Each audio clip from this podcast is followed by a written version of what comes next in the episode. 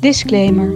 Wij wachten de beelden af van het programma Boos voordat wij met de shitshow een oordeel kunnen vellen over de shitshow van The Voice. Maan in het parool op de vraag: hoe voorkom je dat het niet altijd over jou gaat? Mijn voordeel is dat ik het andere graag naar de zin maak. Soms op het irritante af. Dan zegt een van mijn vriendinnen: Kom op, Moon, mijn koosnaampje. Bemoei je even met jezelf. Maar ja, ik word gewoon heel blij als het goed gaat met anderen. Ik heb er ook manieren voor. Ben ik op een feestje met nieuwe mensen, willen ze alles van me weten. Dan verleg ik het gesprek naar iemand anders. Het hoeft niet altijd over mij te gaan. Inspirerend. Deze week in de shitshow Is Stef woedend op Bo? is Janneke het muurbloempje van Twitter. Ergert Stef zich aan provinciaals gedrag? Ontbijt de hulp van Janneke op de wc. En sluiten we, zoals altijd, lekker warm af.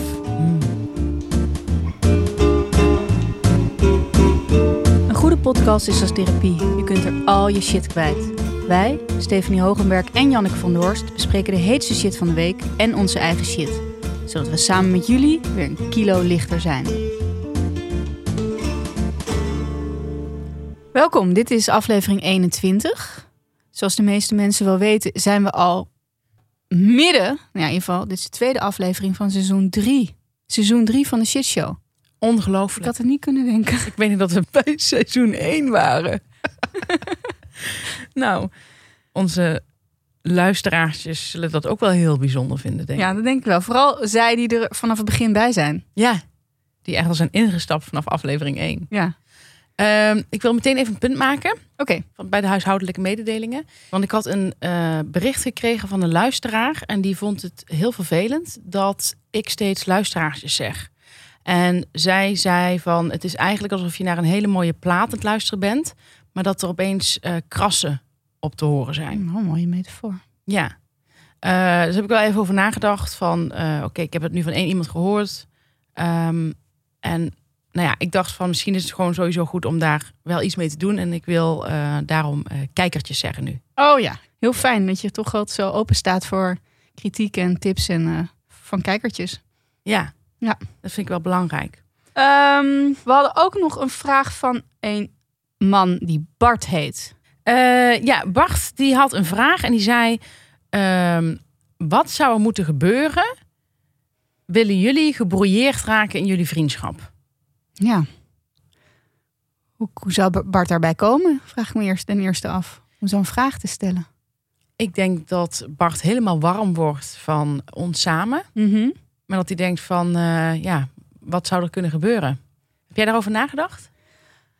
Ik heb er wel over nagedacht. Jij? Eh, ja, ik ook. Ehm, wat, wat zou ik moeten doen om eh, door jou besproken te worden in de shitshow? Als een vriendin die geen vriendin meer is. Dat je zeg maar in de E-cirkel belandt. Mhm. Ja, daar heb ik over nagedacht. En ehm, ja, wat ik heel lastig zou vinden is als ik bijvoorbeeld, eh, stel je voor, ik zou een poes hebben. Mhm. En ik zou aan jou vragen van, ja, ik, ik ga een paar dagen weg. Zou jij één dag op de poes willen passen? En dat jij dan ja zou zeggen. En dat, dat zou ik heel leuk vinden, dat zou ik heel aardig vinden. Maar dat ik dan bijvoorbeeld iets eerder thuis zou komen dan verwacht. En dat ik jou dan op de bank zie liggen, verstrengeld met die poes. ja, dat zou ik wel heel moeilijk vinden. Ja, begrijp ik, ja. Nee, maar dat begrijp ik wel.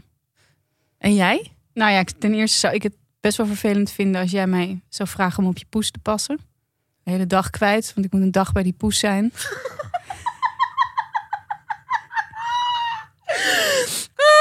Het is een beetje in de categorie wil je me helpen verhuizen. Ja. Ehm, ja, dus daar kan al wat wrijving ontstaan, denk ik, als je vraagt wil je op een poes passen. Maar ehm, ik zou zelf heel lastig vinden als jij mij eh, denkt misschien uit mode of omdat je er behoefte aan hebt, elke keer als we elkaar zouden zien op de mond zou kussen. Klinkt wel als mij. Ja, dat zou wel het einde kunnen betekenen van, eh, van ons in de shitshow. Zou je het erg vinden als ik met, met Thijs eh, naar bed zou Nou, gaan? dat ligt natuurlijk een beetje in omstandigheden, maar ik denk niet dat ik daar meteen een vriendschap om zou verbreken.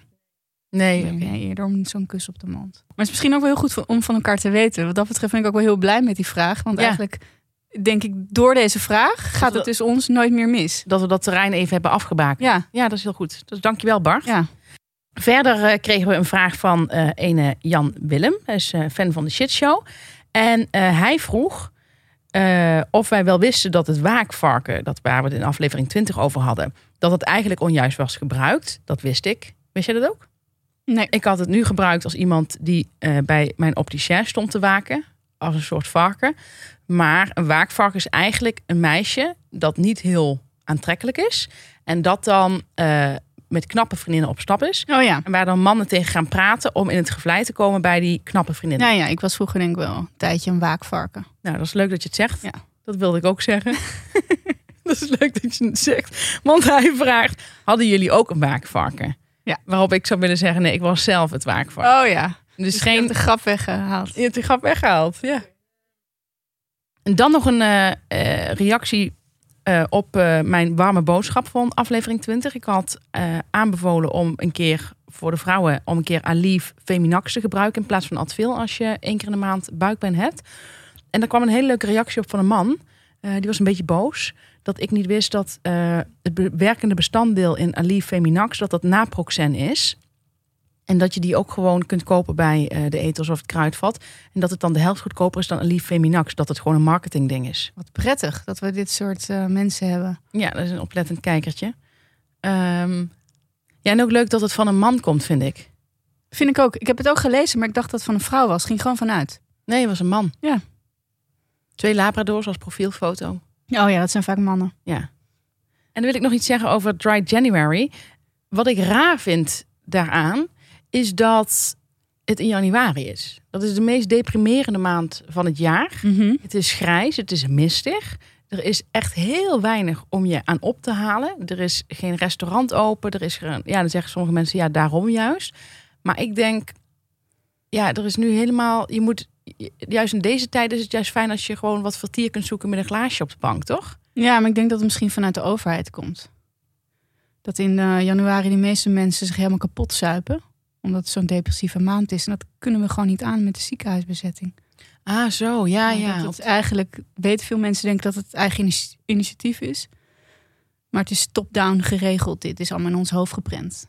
Dry January, dat denk ik echt. Ah, zo. God, van wat een leuke visie erop. Weet je dat eh, Nederland en eh, Zweden de landen zijn waar het meest wordt gedronken? Nee, wist ik niet. Weet je hoe dat komt? Nee. Omdat we hier zo'n klote klimaat hebben. Oh ja, maar dan is Zweden. Die, wat is er dan met die omringende landen? Die doen het ook. Oké, doen het ook. Ik wilde Scandinavië zeggen, maar toen dacht ik, dat is geen land. E- Engeland wordt ook veel gedronken. Engelsen drinken veel. ehm, in Rusland drinken ze veel. Ook zo'n zo'n zwaar klimaat. De Oekraïne. Polen drinken ze ook veel. Klopt. Maar Estland. Finland. Oh, Groen- Finland. Ja. Groenland ook. Nee, Groenland valt mee hoor. Steeds minder. Ook wil nog iets zeggen. Ja, graag. Ik heb nog een mededeling. Heerlijk. Ehm, dat is dat ik in aflevering 20 heb ik gezegd dat ik een flesje koud had laten leggen bij de ehm, wijnhandel, de wijnzaak. Ehm, daar wil ik nog even op terugkomen, omdat ik dacht, flesje zou ik nooit zeggen over een grote fles, maar het was echt een flesje. Ja. We drinken een klein flesje bruut, dus het was niet eh, ballerig bedoeld. Ja. Daar was geen feedback op gekomen, maar voordat die feedback komt. Ja, goed dat je dat even aankaart. Ja. Even ook voor onze reputatie. Ja. Nou, we hadden even veel huishoudelijke mededelingen, maar er is ook veel gebeurd deze week. Eh, we hadden vorige week een wat kortere aflevering. Dit zou best wel eens een wat langere aflevering kunnen worden. Ja. In ieder geval langer dan de vorige. Ehm, had jij shit van de week? Eh, mijn shit is dat ik ehm, deze week naar de televisie zat te kijken. Wat stukken las in de krant hier en daar. En dat ik dacht, het zou gewoon kunnen dat ik op een dag al mijn haren uittrek. Mijn televisie helemaal in stukken sla. Mhm. Dat hele scherm helemaal kapot sla met een honkbalknuppel. Die ik dan Mhm. eerst nog even moet kopen. Maar dan zou ik wel vervolgens mijn televisie, mijn hele mooie grote Samsung, kapot slaan. Waar ik zo dol op ben, mijn grote Samsung. Mijn liefde in het leven mijn troost, mijn geluk. Omdat ik helemaal gefrustreerd raak, zuur, verbitterd van het feit dat elke talkshow, elk interviewprogramma, elk boekenprogramma steeds dezelfde mensen uitnodigt. Waar ik helemaal geen interesse in heb. Ik word niet goed van deze mensen. Stop ermee. Dus eh Bo van Ervedorens, die heeft dus een talkshow. Nou, het groten, grotendeels gaat dat over corona, wat ik al totaal oninteressant Oh ja? ja, dus ik kijk dat. Ik, kijk, ik was eerst echt een talkshow-liefhebber. Eh, nu kijk ik dat bijna nooit meer. Eerst keek ik altijd heel graag eh, soms naar de Wereld Door als ik het haalde of niet. En daarna naar Jinek vond ik altijd fijn. Ehm, nu is het gewoon, het is allemaal zo ongekend slecht. Niet meer normaal. Dus die Bo, die heeft het heel vaak over corona. Jinek ook. Ehm het is altijd wel heel saai. Dan hebben ze, daarna hebben ze gasten als Maan, Nick en Simon, ehm, Chantal Jansen, Ruud Wild, Oltje Gulsen. Je kunt het zo gek niet bedenken. En deze mensen, ik wil daar eigenlijk niks van weten. Mhm. Dan denk je van op een gegeven moment komt er eh, Lago di Bo, een eh, interviewprogramma met, met Bo. En dan, eh, ik, ik vond Bo altijd heel erg leuk, echt een sympathieke gast. En ja, ik- volgens mij zijn er heel weinig mensen die Bo niet leuk vinden. Hij ziet er ook nog heel goed uit. Mhm. Je hebt ook een geheime crush op hem. Mhm. Nou ja, geheim. Nu niet meer.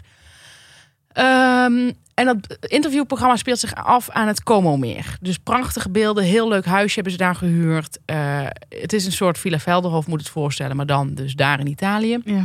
Ik keek ook altijd heel erg graag naar Villa Velderhof. Vond het altijd Ja. heel prettig kijken naar zo'n zwembad erbij en zo. Lekker ja, zo. lekker buiten. Ja, Was ging het in Saint-Tropez altijd? Ja, Saint-Tropez ging ze een beetje koken, gingen ze over de markt daar slenteren. Dus dat, zijn, dat zijn, is gewoon hele fijne televisie. Maar eh, Bo gaat dat dus ook doen. En wie nodigt hij als eerste uit? Eh, Nick, van Nick en Simon. en Mag ik daar één ding over vragen? Zeker wel. Is Nick, eh, wordt Nick vaker gevraagd dan Simon? Of worden ze normaal met z'n tweeën altijd gevraagd? Dat is een hele goede vraag. Ik moet je het antwoord schuldig blijven. Oké. Ehm, maar ik heb het idee dat Nick iets wordt voorgetrokken. Hmm. Dat komt ook omdat Nick, die schijnt dan heel erg intelligent te zijn. Zo kondigt Bo hem dan ook aan. Die zegt van, hij weet gewoon alle getallen na de komma van pi. Oh ja, zo ken ik er ook nog wel een paar. En, ehm, en dan Miljuska Wietsenhausen. Eh, ja, dat is iemand voor wie ik wel veel... Die ken je wel, toch? Ja, dat is, is dat die dochter van eh, Astrid Holleder? En daar heb ik veel sympathie voor. Want ik Ja. een hele moeilijke jeugd gehad. Ehm, en ze heeft een kookprogramma. En hartstikke leuk. Alleen, het enige wat ik van haar zou willen weten... is eh, hoe voelde jij je op het moment dat je hoorde... dat die en die werd geliquideerd? Maar dat, die vragen worden niet gesteld. Nee. Sterker nog, zij, gaat, eh, zij krijgt haar slaapkamer te zien. Van Bo- zegt, dit is je slaapkamer. Dan hebben ze allemaal jeugdfoto's van haar er- erop eh, geplakt. En alles ge- eh, van haar thuis eigenlijk nagebootst. Echt ontzettend leuk, heel huiselijk. En dan zegt ze, oh ja, dat weet ik nog. Ik op de basisschool. Ja, was een heel, heel moeilijke tijd. Ja, ik hoorde dan gewoon dat er een liquidatie weer was gepleegd. En toen zei Bo, nou, eh, laat het snel over iets anders hebben. Bo heeft voor mij daar wel afgedaan. Later kwam hij er heel even op terug, maar niet op een manier die mij aansprak. Ik vond Mm. het zo oninteressant. Ehm, Maar ik kan bijna niet geloven, want ik, ik, ik zag zo'n promofilmpje van hem. Ik weet niet, misschien op Instagram. En dan zei hij, ik ga allemaal mensen interviewen die ik ontzettend interessant vind. Ja. Dus ik dacht, Ja. eh, Bo, net als ik, oude-redacteur van Propicurus. Dat zullen schrijvers bij zijn, Ja. weet ik veel, wetenschappers, eh, acteurs misschien die interessant zijn, filmmakers. Ja. Dus ik geloof hem niet. Ik geloof niet dat hij dat dus meende. ja, dat bestaat gewoon niet. Het kan niet dat je dit soort mensen interessant vindt. Nee. Ik- en ook Nick, ik, we weten alles van Nick. Nou, ik, ik niet, maar Wel, hij kan goed zingen. Maar dan weet je toch genoeg, of Ja. niet? Zou je nog meer dingen willen weten? eh, nee. Bo houdt het best wel oppervlakkig. Ik denk niet dat Bo een oppervlakkige man is, maar hij stelt zich wel heel oppervlakkig op. Daar word ik echt heel erg kwaad van. Ehm, hij wil dus niet de diepte in. Hij vraagt aan iedereen: hoe was, eh, uit wat voor gezin kom je? Ik vind dat echt een vraag die mag je nooit never stellen. Wat een belachelijke vraag. Als je dat wil weten, moet je hem omzeilen. Moet je op een andere manier er proberen erachter te komen. Maar Peter van der Voort stelt ook altijd deze vraag als eerste. Dus ik vind het niet meer kunnen. Kan gewoon niet. Is een clichévraag. Mhm. Heel erg vervelend. En dan krijg je het ergste, dan krijg je Maan. Maan komt op bezoek in het Como. Nou, ze vindt het geweldig. eh, prachtig. Oh, wat is die mooi. Oh, niet normaal. Zo mooi. Ehm, en Het zij- is ook mooi, toch? het is heel mooi, ja. En zij gaat dan samen met eh Tel Beckhand. Nou, Iemand van wie je denkt van, is daar nog iets van te weten, weet je? Eh, nou, die schijnt heel erg veel van klassieke muziek te houden. En Maan, die kan heel goed zingen. Maan is een ongelofelijke aansteller. Dus iedereen zegt, wat is dat toch met Maan? Nou, dat is het hele punt. Ze is een ongelofelijke aansteller. Ze is niet echt. Dus ze ziet er hartstikke goed uit. Ze schijnt ook nog intelligent te zijn. Ze heeft gymnasium gedaan. Ze kan goed zingen. Maar ze stelt zich aan. Continu. Dus als mensen zich afvragen, wat is dat toch met Maan? Nou, dat ze zich aanstelt. Ja. Ze zegt ook eh, ja, dat ze een hele goede band heeft met haar eh, papa en haar mama. En ja, het is, het is gewoon vaker gezegd, Bo, ja, ik heb me laten vertellen dat jij zelf zo close bent met je ouders, dat als jij gaat eten, eh, dat je dan gaat facetimen met je moeder en dat ze dan eigenlijk bij jou aan tafel zit. Ja, ja, dat klopt. Ja, nee, ik kan mama, mama en ik bellen elkaar elke dag en ik denk, wie is mama? Weet je, het is, mama gebruik je tegen je moeder zelf. Ja. En eh, tegen mensen die je moeder heel goed kennen. Maar ik ga tegen jou toch niet over mijn moeder zeggen, mama. Nee. Dat is toch mijn moeder? Ja. Vind ik zo ontzettend raar. Ja, vind ik ook zo heel raar. ontzettend raar. Je hebt ook nog mami. Ja, maar dat is de adellijke tak. Ja. Maar dat is even irritant. Klopt. Maar heel veel mensen doen dit. Ook Ja. in mijn omgeving. Bij mij gelukkig niet. Oh, bij mij wel. Mensen die hun ouders mama en papa noemen tegenover anderen. Ja. Super raar. Stop daar eens mee, alsjeblieft. Daar, daar krijg ik nou echt kortsluiting van. Maar Maan, Maan zegt dus van ja, ik bel elke dag met mama. En dan facetimen we. En soms dan, ja, dan zet ik haar aan tafel met facetime bij het eten. En dan eh, eerst zetten we samen te koken. En dan schuif ik haar op een gegeven moment naar de tafel. En dan kletsen we zo nog twee uur verder terwijl ik aan het eten ben. Dat vind ik gewoon net iets gezelliger. En dan zegt Bo, echt bloedserieus. Echt alsof dit gewoon een epiphany is, zegt hij. Het klinkt een beetje alsof jullie eigenlijk echt vriendinnen zijn. en dan zegt Maan, ja, wij zijn wel echt vriendinnetjes. Ja, ik, ik ben daar. Ik, ik, ik, waarom ik dit kijk, dat kan ik ook niet helemaal verklaren. Wat denk je dat de boodschap is die Bo heeft meegekregen? Probeer zo oppervlakkig mogelijk erin te gaan. We willen gewoon mooie beelden schieten. Eh, dit is voor het RTL 4 publiek. Dus houd echt laag, laag, laag, laagdrempelig. Dat is het codewoord. En probeer op de een of andere manier gewoon een mooi shot van Maan te krijgen in een yogapak. Want op een gegeven moment gaat ze de volgende ochtend yoga, yoga doen. En dan zie je haar billen zo in dat yogapak. Eh, en ook daarvan zie je dat ze zich op die manier naar de camera, eh, aan, de, aan de camera toont. Zodat dat alles goed te zien is, zeg maar. Oké. Dus alle, daar alles, dus er is wel heel goed over nagedacht, hoor. een- Dus dat was nog wel een aanrader. Ja, dat, dat is wel een aanrader. Maar het is ehm, voor de mannelijke kijkertjes. Maar het is ehm, ja, totaal absurd. Ja. Alles hieraan is totaal absurd. Maar goed, wil ik even doorgaan met mijn eh, dingen, met mijn, met mijn eh, shit. Want vervolgens, ehm, waar ik ook heel boos over ben, is dat dan eh Eus boekenprogramma weer eh, op tele- televisie komt, tweede seizoen. Leuk. Eerste seizoen was heel leuk. Ik heb er gekeken. Vond ik een goed, goed boekenprogramma. Was een leuk boekenprogramma. Programma waardoor je boeken gaat kopen. Ehm, ze hadden ook echt een leuke rubriek waarin ze eh, twee mensen uitnodigden die in discussie met elkaar gingen. Nou, er was er bijvoorbeeld een witte man die had geschreven over een leven in Suriname. Vanuit het perspectief van een zwarte vrouw. En dan was er een zwarte vrouw die vindt dat dat niet kan. Dus dat, dat is nog eens echt leuk om naar te kijken. Ja. Ehm, Eus deed het ook heel erg goed. En ik vond de gasten ook leuk. En Stefano Keizers, die ik normaal... Dat weet, ik, ik weet, ik, ja, ik weet nooit zo goed wat ik ermee aan moet. Maar hij was een beetje het mongoloïde broertje van Eus in dit programma. Dat vond ik heel leuk. Ehm, alleen nu komt het seizoen 2. En wat zijn de namen? Griet Op de Beek, Arthur Japin en Herman Koch. Hmm. Nou, ik zak mijn broek gewoon af. Hoe krijg je het voor elkaar? Ja. Nu ben ik ontzettend fan van Herman Koch. Dat, daar zie ik graag heel veel interviews van. Maar in een boekenprogramma waarin je maar iets van tien afleveringen hebt, vind ik het raar dat je dus drie auteurs vraagt die overal te zien zijn, die zichzelf Bestseller-auteurs. bestseller-auteurs. Eh, die sowieso eigenlijk altijd wel in de ACO top 10 staan. Hoe krijg je het voor elkaar om deze mensen als redactie te vragen? Daar kan ik met mijn hoofd niet bij. Griet op de Beek zat ook nog in de geknipte gast. Ook een programma van Eus. Mhm. Er werd, werd er haar geknipt. Eh, maar niet echt, want het is corona. Dus Eus mocht er niet aan zitten. Maar ik vind het onbegrijpelijk. Ja. En ik Ja. erg me hier helemaal kapot aan. Ik, echt zoals je weet heb ik het gesolliciteerd toen bij Brommer op Zee. En toen was een van de vragen tijdens de tweede ronde was... Hoe zie jij of iemand goed is op tv? En toen dacht ik, daar zou ik helemaal niet mee bezig zijn als ik iemand uitnodig. Nee, heel goed. Ik zou uit, iemand uitnodigen omdat ik denk, die heeft een goed verhaal te vertellen, die heeft een goed boek geschreven. Ja. En ehm, niet ben je goed op tv. Een van de mooiste televisiefragmenten ooit van een schrijver was met Thomas Rozenboom. eh, bij, ik denk toen Paul en Witteman nog. Thomas Rozenboom mocht daar komen in de Boekenweek. Volgens mij was het thema iets met dieren. Ik weet het niet meer precies wat, het, wat precies de term was, maar het was met dieren. En Thomas Rozenboom mocht daar wat vertellen. En die begon iets te vertellen over zijn konijn Ponsje.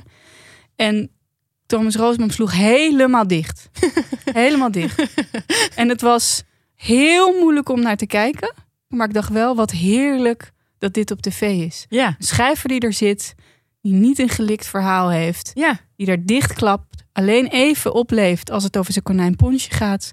En verder helemaal verlegen is en niks meer te zeggen heeft. Dat vond ik zo'n leuke televisie. Ja. Kan zijn dat voor hem dat keerpunt is geweest dat hij is gestopt als schrijver. Want hij is gepensioneerd schrijver nu. Schrijver in rusten, hoe noem je zoiets? ja, zoiets. Ja, hij is helemaal gestopt. Maar voor mij was dat echt goede televisie. Ja, het ik. hoeft niet allemaal die geëikte namen. Ja, we weten wel wie er makkelijk praten. We weten wel wie fijn zijn om naar te luisteren op tv. Maar dat betekent niet dat we die de hele tijd maar hoeven te zien. Nee. Ik wil juist mensen zien die niet zo soepel zijn.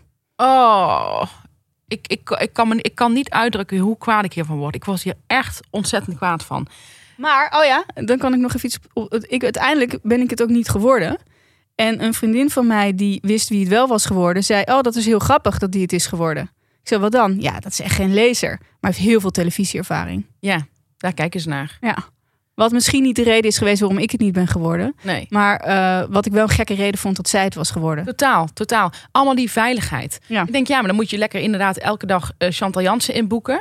Ja. Ehm, ja, dan, dan, dan, dat, ik, ja, ik word, er, ik word er gewoon laaiend van. Ehm, waar ik me ook gigantisch aan stoor, en dat moet nu ook voor eens en voor altijd afgelopen zijn, Mhm. is eh BN'ers als columnist vragen. Ik, ja, ook hier kan ik me bijna niet meer uitdrukken van woede.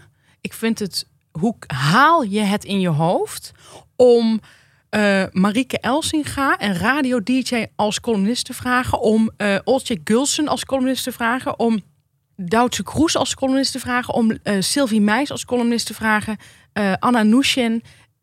Dat zijn mensen die kunnen niet schrijven. Dus hoe, waarom zou je die gaan vragen? Om hun, om hun te gaan laten vertellen hoe hun dag eruit ziet? Dat is super oninteressant. Ik vind één, dat je daarmee schrijverstekort doet. Alsof het maar gewoon, alsof iedereen maar gewoon Ja. iets kan optekenen. Alsof wij model kunnen worden. Inderdaad. Nee, maar ik vind het heel raar ook als je eh, een blad hebt dat van Chantal Jansen NC. Die vraagt dus alleen maar BN'ers om voor haar blad te schrijven. Dat blad dat loopt ook niet. Eh, en zij denkt van, dan trek ik bekende namen aan. Nee, als je dat nou eens niet zou doen. Als je nou eens een origineel iemand zou vragen. Iemand die echt goed kan schrijven, maar die bijvoorbeeld niet super bekend is. Bijvoorbeeld in Cindy Hoedmer. Dan zou je een veel origineler blad krijgen. Ja. Dat, maar die koppeling kunnen ze in hun hersenen niet maken, die mensen. Nee. Dus dat is zo jammer dat dit soort mensen aan de macht zijn. Dat is ook heel jammer. En dat vind ik zo leuk aan eh, Linda, het blad waar ik voor schrijf, als columnist. nou, wat ik daar echt leuk aan vind, het lijkt nu, lijkt nu een grote zelffelicitatie gaat dit worden, maar zeg maar, ik was niet bekend, ik ben niet bekend. Ehm, voor de shitshow was ik niet bekend. En wat ik wel leuk vind, is dat zij als zo'n groot blad en ook een commercieel blad het aandurven om een nog niet zo bekende naam als columnist te ja, vragen. dat vind ik ook echt heel tof. Ja, en heel dat doen, tof. dat doen ze Want ook. dat durven ze bij de eh, kranten ook niet. Nee. Als ze daar 30 columnisten hebben. Bij Ze het, hebben parool, bij het Parool werd ik op een gegeven moment gevraagd als columnist. Maar dat kwam omdat eh, zowel jij als Henk Spaan tegen de hoofdredacteur hebben gezegd... het is geen bekende naam, maar ze is wel goed. En, eh, maar dan met iets meer enthousiasme. Overtuigingskracht. Overtuigingskracht. Maar, eh, eh, want hij vroeg toen ook, die hoofdredacteur die er toen zat... die vroeg ook van, ja, maar ze is niet bekend, zal ik het dan wel doen? En toen zeiden jullie allebei van... eh, ja, doe het. Ze, is, ze heeft geen, geen bekende naam, maar dat maakt niet uit. Het gaat om, de schrij gaat om het schrijven. Ja. En hij heeft dat toen heel even aangedurfd om mij te laten vervangen. Maar daarna moest ik weer snel... Nou ja, jij was de vervanger. Klopt, ik was een vervanger. Ja. Maar, wat, hoezo was dat? Wat, Jij zei door mij te laten vervangen. Oh, Ja, maar geef niet, je zit zo in de vuur van je verhaal. Maar even, Ja. ik zeg even voor de kijkertjes dat is heel goed. hoe het precies zat. Dat is heel goed. Ehm, en daarna moest ik ook weer snel verdwijnen van het toneel. Omdat hij dacht, ja, ze is niet bekend. Dus toen heeft hij weer, eh, toen heeft hij eh, Pepijn Lane van de Jeugd van Tegenwoordig Ja, die was gevraagd. goed, ja. Ja, dat was heel goed. Was Die, was, eh, die schreef toen. taalbrokkelaar. Die, die schreef toen, dat weet ik nog heel goed. was de eerste column. Die kreeg hij toen in de krant. En hij woonde toen in, in New York. Dus normaal moet je in Amsterdam wonen als je voor het parool schrijft. Ja. Maar hij woonde in New York. Ontzettend eh, out of the box. En toen schreef hij, toen kwam net Trump in de macht. En toen schreef Pepijn Lane dat hij gekwetst was door die keuze. Ja, als ik, en als ik hoofdredacteur was, vloog je er meteen echt meteen uit. Met pek en veren, stad uit. Nou, dat was hij al, maar dan zou je gewoon moeten vertrekken. Per Ja. direct. Slaat nergens op. Kom je het land niet meer in. Kom je het land niet meer in. Nee. Godsamme. Nou, ik ben echt... Ik ben echt... Heerlijk, Stef. Ik hoop dat het oplucht. Ik ben het volkomen met je eens. Maar het, het zou pas opluchten als mensen eens een keer... Ja, maar niemand luistert. Weet je waar, waar de enige plek eigenlijk waar je nu nog iets kunt doen, wat je zelf wilt maken en waar niemand iets over te zeggen heeft, Podcast. podcast. Ja, Daar zit nu de kwaliteit. ja, En heb ik niet echt niet eens over ons. Dat meen ik echt. Heb ik het over heel veel goede podcasts die er nu zijn. ja. Ik ben razend over dit onderwerp. Ja. Echt razend. Wat zitten er veel onkundige nitwits in die redacties. Ja. Nou, en nog het allerlaatste wat ik nog wil zeggen... is dat ik ook afgeknapt ben op Bo. Als, als hij had gewild, had hij mij kunnen meekrijgen. Ja. Maar na het programma Lago di Bo eh, ben ik toch echt wel afgehaakt. Want ten eerste blijft hij dus heel erg op de oppervlakte. Dat begrijp ik niet. Zeker niet als je voor Propria Cures hebt geschreven. Dat is zo'n andere tak. Dus dat begrijp ik niet. Maar ook omdat hij... eh, toen ging Nick uiteindelijk op zijn gitaar een lied spelen. Dat, dat begrijp ik ook niet. Waarom zou Nick op zijn gitaar een lied moeten gaan spelen? Omdat je toevallig in Italië bij het Como meer zit. Schijt toch uit, joh. Zet een cd op. En dan gaat hij huilen. Gaat hij huilen? Doe eens normaal. Ik begrijp best dat dat, dat dat iets meer binnenkomt... en dat je er op televisie naar zit te kijken. Maar we gaan niet huilen. Nee. Hoe groot is nu nog de kans die jou mee zou kunnen krijgen? Nog maar 70 Even bijkomen. Ja. Ook voor onze kijkertjes, denk ik. Jannie, mag ik jou vragen? Wat was jouw shit van de week? Ja, het is even bijkomen van eh, jouw shit. Ehm, wat ook mijn shit is. Ehm, nou, wat er gebeurde was... Ik kijk altijd met veel bewondering naar mensen... en naar jou ook in het bijzonder... die soepel zijn op social media. Oh ja, In het echte leven denk ik dat ik vrij sociaal ben. zeker weten. Kan ik beamen.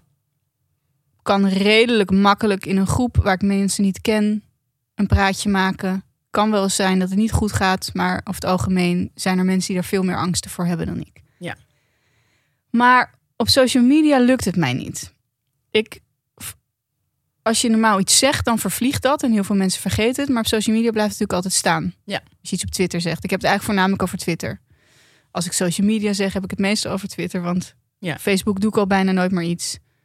En op Instagram, ja, daar gaat het toch meer om de foto, hè? Ja. En ehm, dit dateert al van heel lang, want ik zat op een gegeven moment op Hives, heel lang geleden. En toen vroeg ene Jan van Mersbergen mij als Hives-vriend. Was een man, ik ging hem googelen, was een schrijver die ik nog nooit had ontmoet. Dat vond ik heel gek. Dus ik vroeg aan hem, ehm, wij kennen elkaar toch niet? En toen zei hij, hoef elkaar toch niet te kennen? Zo'n antwoord. Ja. Want voor Jan is het hele leven ook op social media gewoon één grote voetbalkantine. Ja. Iedereen gezellig. En hij zag dat zo totaal anders dan ik. En later kwam ik hem een keer tegen in het echt in de kroeg. Het zei, ik vond dat zo'n rare discussie dat jij dat zo gek vond dat ik jou vroeg als uh, huisvriend. ja. Zeg, dat vond ik echt heel gek, want ik ken jou niet. En ehm, Maar dat vind ik nu nog steeds ook wel een beetje gek bij Facebook. Heb ik dat wel hoor. Ja? Ja, als, als ik iemand echt niet ken, vind ik het toch altijd een beetje gek. ja, ik ook wel een beetje. Maar ik begreep ook wel weer zo'n Jan die dan denkt... hoe meer zie- zielen, hoe meer vreugd. Er zat dan verder ook denk ik niks geks achter. Behalve dat we elkaar dus nog nooit ontmoet hadden. Ja. En ik toen nog nooit van Jan van Mersbergen had gehoord. Wat nu natuurlijk een heel gek idee is. Ja. Maar ehm, wat ik er lastig aan vind op social media... is dus dat ik... Ik zat op, al eerder op Twitter. Toen had ik iets getweet waar ik heel veel kritiek op kreeg. Sloeg nergens op. Ik sta nog steeds achter die tweet. Ehm, en toen dacht ik, weet je, ik ben zo klaar met dat, met dat Twitter. Ik ga er even tijdelijk vanaf. Wist ik veel dat mijn hele account zou stoppen. ja. Ja, wist ik niet. Ik had gewoon verwijderd. Ik dacht, daar kun je altijd weer op terug. Ja, zoals op Facebook gaat dat ja, zo, hè? ik had 2000 volgers. Is niet veel. Ik vind, Nou, dat is veel. nou ja, het is wel... Ik vind 2000 volgers, dat vind ik juist ongeveer de leukste mensen. Mensen met 2000 volgers op Twitter zijn vaak leuke mensen. Als mensen te veel volgers hebben, denk ik dat is ook niet helemaal goed. Dat is ook niet goed voor je. En te weinig is ook niet goed voor je. Het is gewoon precies goed voor je, 2000 volgers. Oké. Ja, ik, heb er, ik, heb er, ik ben heel erg, voel me heel erg aangesproken omdat ik, ik heb er 4583. Ja, ja, dat is een net te veel. Ja, dat is niet goed voor je. Maar goed, eh, en nu moest ik eens opnieuw op Twitter. Nou, inmiddels heb ik er alweer 800 verzameld. Maar die andere mensen, die 14, nee, 1200, die zijn dus weg. Foetsie. Waar zijn die naartoe dan? Ja, die weten niet dat ik weer terug ben. En het erge is dat er mensen zijn waarvan ik zeker weet, die me echt graag, Weten dat je terug bent. graag mogen. Nee, nee, nee, die me echt graag mogen. Die niet mij nu aan het volgen zijn, omdat ik- zij denken dat ze mij al volgen. Zij denken, oh Janneke van Oors, dan zien ze mij een keer voorbij komen met een tweet. Denken ze dat ze mij toch al volgen, omdat iemand voor mij geliked heeft die zij kennen. En als ze me niet zien, denken ze, ja, daar denk je niet aan. Oh, waar is Janneke eigenlijk op Twitter? En kun je misschien wat namen noemen? Nee, ik ga geen namen noemen. Oh.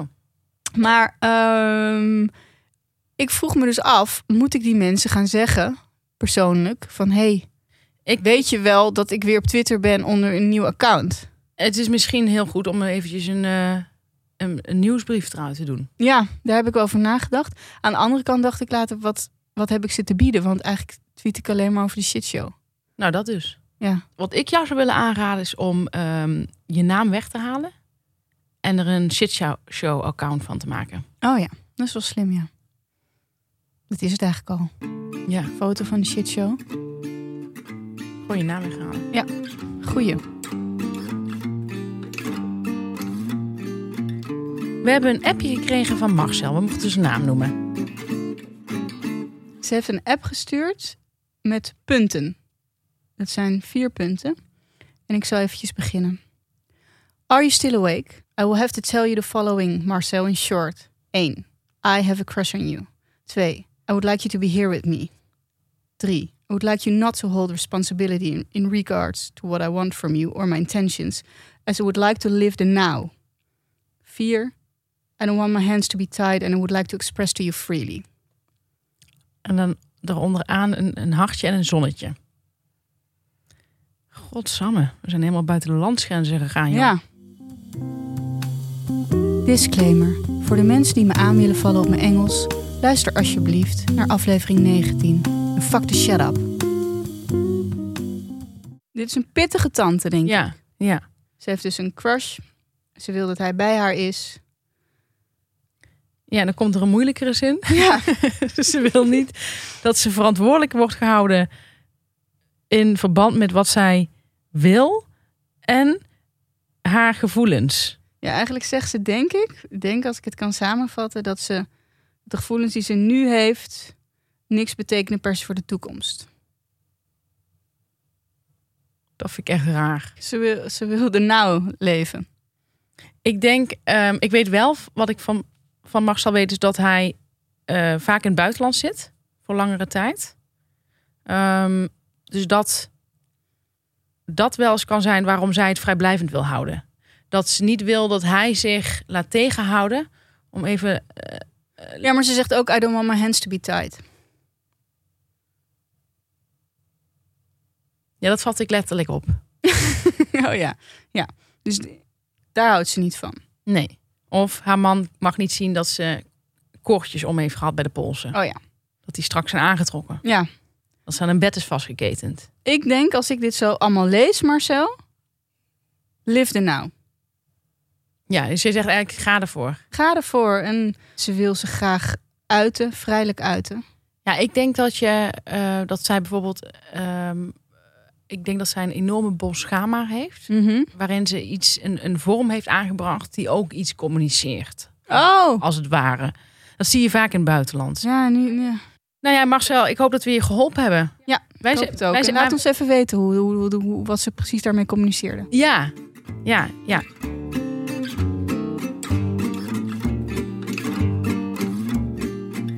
Stef, je had veel shit te verwerken deze week. Had je ook nog een ergernis? Ja, ik heb maar een hele kleine ergernis. Ach. En dat is dat, eh, wat ik heel storend vind, is als mensen in Amsterdam wonen. In mijn geval is het dan Amsterdam. Als mensen in mijn, in mijn stad wonen, Amsterdam, mijn stad. En dat ze dan eh, nog naar de tandarts of naar de huisarts moeten in hun geboortestad. En dat dat dan bijvoorbeeld twee uur verderop is. Oh ja, dat deed ik heel lang. Mijn tandarts. Dat vind ik dus super irritant. Ja? Kun je je ook voorstellen waarom ik dat irritant vind? Nou, ik ben heel benieuwd wat daar irritant aan is voor jou. Ik heb daar heel lang over nagedacht. Ik Ja. dacht, hoe kan het nou dat ik me daaraan stoor? Ik stoor me er namelijk echt heel erg aan. Als mensen dat zeggen. Ja, dat ze naar de tandarts nog moeten. En dat ze dan eh, dat moeten combineren met hun bezoekje aan hun ouders. Ik woon niet zo ver van. Ik woon niet zo ver van de stad. Nee, maar, Van jouw stad. nee, maar ik bedoel dus echt mensen die dus twee uur van Amsterdam af wonen. Ja. Dus als je, als je in het gooi eh, dat had dan, en je had een goede tandarts, dan snap ik dat je daar met een half uur met de auto naartoe gaat. Ja. Dat vind ik niet gek. Huisarts deed ik niet. Dat vind ik van de zotte. Maar ik vind het gek als je, zoals ik uit Limburg kom, dat je daar dan nog een tandarts hebt. Vind ik heel raar. Vind ik echt heel raar. Maar ik heb, ik heb er echt heel lang over nagedacht. Dat doe ik altijd, hè? Dat doe ik altijd als ik me erger. Dan denk ik altijd van, waar komt het vandaan? Mhm. Waar komt eh, die woede vandaan, die irritatie? En ik denk dat het ermee te maken heeft dat ik het irritant vind dat als mensen in Amsterdam wonen, ik toch het idee heb dat ze met één been nog in hun provincie staan. Zo van dat ze daar ook misschien elk moment naar terug kunnen gaan. En dat is ook een soort angst voor jou. Beetje. Mm.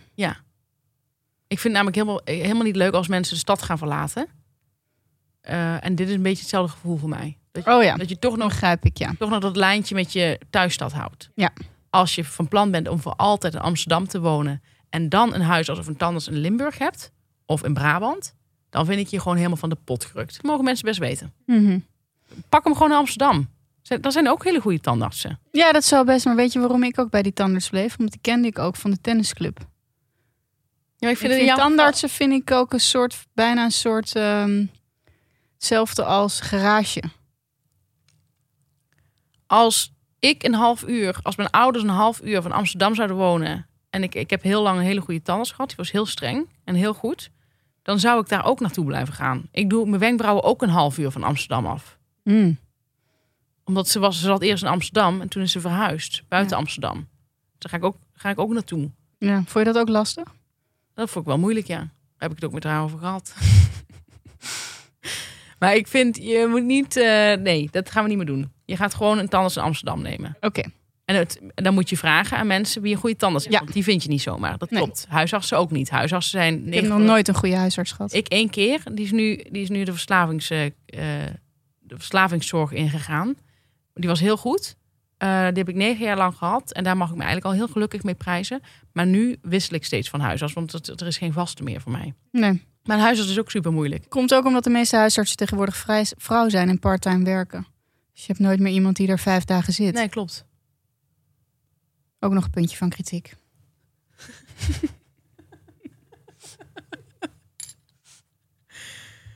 Oké. Wat was jouw ergernis? Had jij nog een ergernis? Nou, mijn ergernis van de week was dat, ehm, zoals de vaste kijkertjes wel weten, heb ik een tijd gezocht naar een goede hulp in de huishouding. Ja. Ehm, toen was er iemand gekomen. Daar heb ik heel veel mee geprobeerd te communiceren nog daarna. En die appte mij op een gegeven moment, we cannot come anymore. Geen idee precies waarom. Ik heb het er maar even bij gelaten. Toen had ik via via weer iemand anders gevonden. Ehm, die woonde in Amsterdam Zuidoost, dus best wel een eindje van ons vandaan nog. En die komt met het openbaar vervoer. Er zat nog een adres in ons dorp. En toen dacht ik, nou, leuk, gaan we proberen. Nou, het is een pittig type volgens mij wel. Ehm, niet per se houdt ze van een lolletje. Nou, dat hoeft van mij ook niet per se, want ja, ik heb genoeg lolletjes. en ehm, zij was, waar ik dus zo bang voor ben met hulp in de huishouding, wat, mij, wat ik zo lastig vind, heeft zij. Dus zij zegt, ehm, oké, how many hours? Ik zeg, eh, two? No, three hours. Ik zo, oh, oké, that's oké. Oké. En toen was ze er dus de eerste keer. En toen zei ik, ik was er zelf niet. Dus toen appte ik met mijn vriend. Toen zei ze, ja, ze blijft vier uur. Want ze wil vier uur blijven. dus toen bleef ze al vier uur in plaats van twee uur... wat mijn vorige hulp ooit deed. Vier uur op één dag? Ja.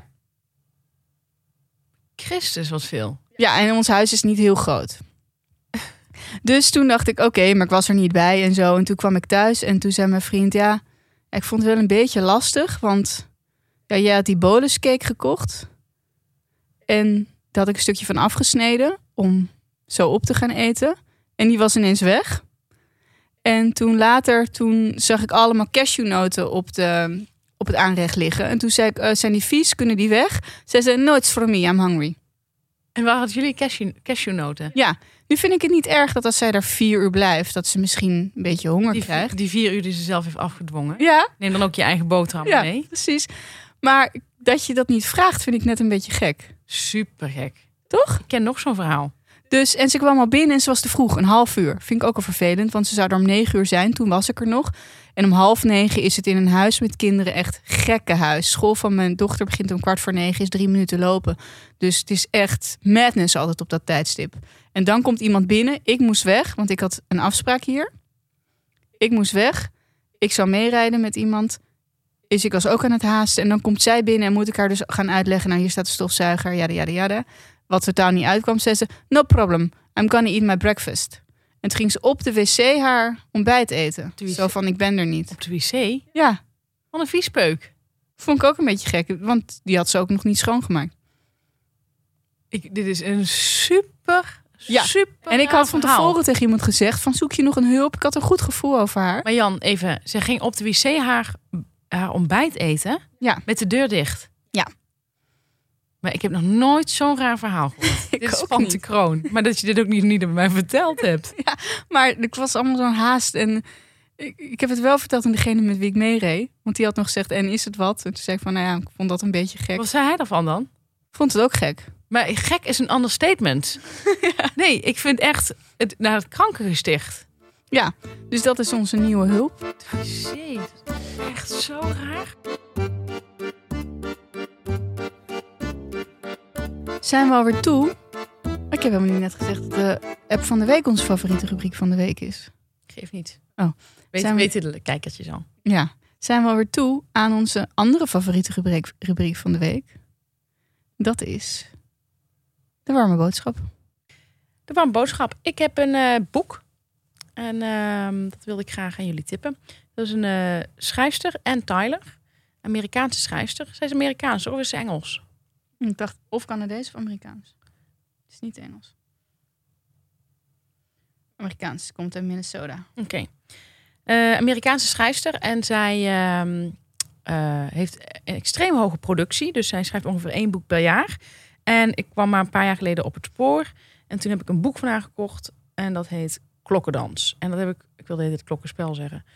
ik las haar. Ik las het boek. Het was mijn eerste kennismaking met Anne Tyler. En ehm, ik vond zo goed, omdat het... Zij beschrijft twee keer een huwelijk van een vrouw en een man. En ik vond het zo ongelooflijk herkenbaar. Dus niet vanwege mijn eigen huwelijk, maar ehm, omdat ik, ik ken dat soort relaties. Waarin de man, ja, het, het is meer van de generatie van onze ouders, denk ik. Maar van die mannen die, ja, toch best wel eh, autoritair zijn. En naar de vrouw toe zo best wel denigrerend. En er is op een gegeven moment een voorbeeld, eh, beschrijft ze in het boek, dat ze in het vliegtuig zit. ehm, en dat ze een leuk praatje maakt met een jongen naast haar. En dat haar man, dat ze op een gegeven moment naar rechts kijkt, naar haar man. En dat hij heel geïrriteerd naar haar kijkt. Dat ze dat praatje aan het maken is met die jongen. En niet uit jaloezie, maar omdat hij het gewoon bemoeien met je eigen zaken. En ga die jongen nou niet lopen helpen. Terwijl die jongen het best wel leuk vond. Eh, althans, dat was haar eh, interpretatie. En ik vond, ik vond het gewoon zo herkenbaar. Dat ik denk, ja, ik ken dat soort relaties. Waarin die man zo domineert. Dus dat, ik vond dat heel erg goed opgeschreven. En ik vond dat ze op een gegeven moment een situatie beschrijft. zijn echt best wel heel klein huiselijke dingen. Maar dat ze het op zo'n manier beschrijft. Waardoor je denkt, ja, hoe, hoe, hoe kan iemand dit allemaal zo helder opschrijven? Weet je? Dat Ja. moet je allemaal een keer gezien hebben. Anders kan dat gewoon niet. Het is zo... Ik, ik voelde me op een gegeven moment echt... eh, ja, echt alsof ik daarbij stond. Alsof ik echt een inkijkje kijkje kreeg. Je hebt dat boek ooit aan mij gegeven. Weet je dat nog? Klopt. Ehm, ik heb dat boek wel gelezen in een tijd van heel weinig slaap. Ik weet ook dat ik. Ik herinner me dat ik dus. Of ik herinner me heel weinig meer van het boek. En Ja. dat niet omdat ik het boek slecht vond. Want ik herinner me ook nog dat het boek. Dat er niet iets heel groots gebeurde. Of dat het verhaal niet per se meeslepend was. Nee. Maar dat alles in die kleine zinnetjes zat. En in de details, zeg maar. Ja. eh, wat het zo goed maakte. Ja. Ja, en ik, en, en ik eh, iemand die, eh, een, een, een vriend van mij die ehm, vaker Ann Tyler leest. Die zegt dat er betere boeken zijn van haar. Mhm. En dit was mijn eerste kennismaking. En ik vond dit dus echt wel heel goed. Eh, En weet je hoe meer boeken gaan kopen? ja, ik heb ze wel gekocht, maar nog niet gelezen. heb ik heel vaak. Blijkbaar is eh, Herman Koch heeft een keer Vinegar Girl aangeraden van haar. Mhm. En er is er ook nog eentje, die heb ik gekocht. A Spool of Blue Thread. Ehm, maar dat heb ik in het Nederlands gekocht, de blauwe draad. Disclaimer. Voor de mensen die me willen aanvallen op mijn Engels, luister aflevering 19. En shut the fuck up. Ik heb een keer van haar een geweldig essay gelezen. Dat ging over. Het was een, uit, een, uit een bundel. En daar vertelt ze eigenlijk alles wat haar bele- belemmerd heeft om te schrijven. Ehm, want ze schrijft dan allemaal dingen, bijvoorbeeld dat ze, dat ze kinderen krijgt, nou, dat ze slecht slapen. Maar ook bijvoorbeeld iets wat er tegenhield, dat ze dan de kind op kamp is. En dat ze gebeld worden omdat het kind, kind ziek is. Dan moest ze dat kind weer helemaal ophalen. Had ze eindelijk weken vrij in de zomervakantie, dat summercamp, om te gaan schrijven. Moest dat kind weer opgehaald was, gehaald worden, was hartstikke ziek. Uh, maar ook heeft ze uh, haar schoonfamilie, komt uit Iran. Is er een of andere tante of weet ik het, een moeder van een neef van haar man uit Iran. En die heeft een zwarte jas nodig, maar die spreekt zelf geen Engels. En dan gaat zij alle maar winkels bellen voor precies die zwarte jas die die vrouw nodig heeft. Nou, super grappig hoe dat gebeurt en hoe ze dat ook echt als obstakel in haar schrijven noemt. Ja. Vond ik echt heel leuk. Ik heb het toen ook gelezen. Maar misschien uh, kunnen we daar wel een linkje van op onze uh, Instagram zetten. Kan dat? Dat weet jij. Ik weet het nu nooit of dat soort dingen Dat kunnen. kan wel. En sowieso staat het in onze show notes dan, het linkje. Oké. Okay. staat altijd in onze show notes. Oké. Okay. Oké. Okay. Wat, ja. wat was jouw arme boodschap? Nou, ik, heb, uh, ik hou het even kort. We hebben volgens mij een ontzettend leuke, maar lange aflevering. Um, nou, ik had altijd een robotstofzuiger. Ik was een van de eerste die hem had. Zo? waren ze nog hartstikke groot, hè? Was zo groot in huis. Echt, echt in de beginjaren van de, stof, van de robotstofzuiger hadden wij er een. Nou, je hebt mij een filmpje gestuurd ooit van jouw robotstofzuiger. Ja, ja, dat geloof ik En dat best. was in Frankrijk, toen je in Frankrijk ja. woonde. Dat is lang geleden al, in uh, 2015, 2014. En we hadden een robotstofzuiger en daar was ik ontzettend content mee. Ik vind dat zo heerlijk. Het staat ook op, let the robots do the work. Dat is een mooie zin. Ja, vind ik ontzettend mooi. Het enige nadeel is van dat ding is dat het duurt best wel lang. Zo snel als jij zelf zou stofzuigen is die niet. Het andere nadeel is wel dat je alles van de vloer moet halen. Hè? Ook Normaal. Je, ook je bank en je stoelen. Helemaal leeg elke keer. Ja. Nee, maar alle frutseltjes moet je van de, van de grond halen. En bepaalde snoeren waar die misschien niet goed over kan. Want je normaal met stofzuigen een beetje omheen of je doet het een beetje weg. Ik ben heel Dat benieuwd naar de voordelen nu. Voordeel is, als je dat helemaal gedaan, je gooit dat ding in een kamer. Heel veel kamers zijn redelijk leeg op de grond. Je zet dat ding aan. Je gaat weg. En als je thuis komt, is het helemaal gestofzuigd. Echt waar? Ja. Zuigt hij echt goed? Zuigt best wel goed, ja. Kan hij echt goed in zuigen? hoekjes, heel, hij zuigt en zuigt. En heb jij nog dezelfde als dat je in 2015 had? Die is kapot. Ah, kijk. Dat is, dat is Kijk. even iets droevigs wat ik je over wil vertellen. Dat heb je natuurlijk met apparaten. Die gaan op een gegeven moment kapot, zeker bij mij. Binnen vijf jaar al? Zeven jaar. Ja, zeven. Ehm, kan. Die dingen hebben, denk ik. Hè. Het was natuurlijk een van de eerste modellen hè, waar we het over hebben. En nu ben ik op zoek wel naar een nieuwe. Ik ben nog Alweer? ontzettend- De derde dus. Nee, dit, want ik heb dus, dus nog niet een nieuwe gekocht. Alleen mijn tip is, omdat ik merk nu hoezeer ik hem mis, hoeveel plezier je ervan hebt. Ah, Dus eigenlijk is mijn tip dus de robotstofzuiger. Maar ik, ga- ik ga deze tip zelf ook weer opvolgen. ah zo. Ja, Het is heel meta. Ja, oh, grappig. Ja, ik heb Ja. hem nu. Ik heb hem. Dus ehm, dat, is, eh, dat is even mijn tip. En welke, welk merk? Wij hadden de, de Roomba. Oké, cool. Ja. Ik ken nog iemand die er heel tevreden over is. Ja, ja, precies. Mensen worden, het verandert je leven. Dit was alweer aflevering 21. Ongelooflijk. Ongelooflijk, Was ja. het aflevering 21? Ja. Dat is zo snel. ja. Je knippert met je ogen en je zit eh, bij aflevering 21. Ja. Op vriendvandeshow.nl ga je, eh, maak je een account aan eerst. Dan ga je naar de Shit Show. En daar hebben wij vanaf nu elke week een datingtip. Ja. Voor mannen. Specifiek voor mannen. Ja. Dus we willen die mannen echt... eh, uiteindelijk eh, gaat het ons erom dat ze tot die bevruchting komen. Hè? Ja. Dat is wat Het is van, van, van het eerste contact tot de, tot de bevruchting eigenlijk. En eh, de eerste tip die gaat over ironie op dating apps. Dus ga naar vriendvandeshow.nl, maak een account aan en ga naar de Shit Show. En werk toe naar die bevruchting. Tot volgende week. En bedankt voor het luisteren.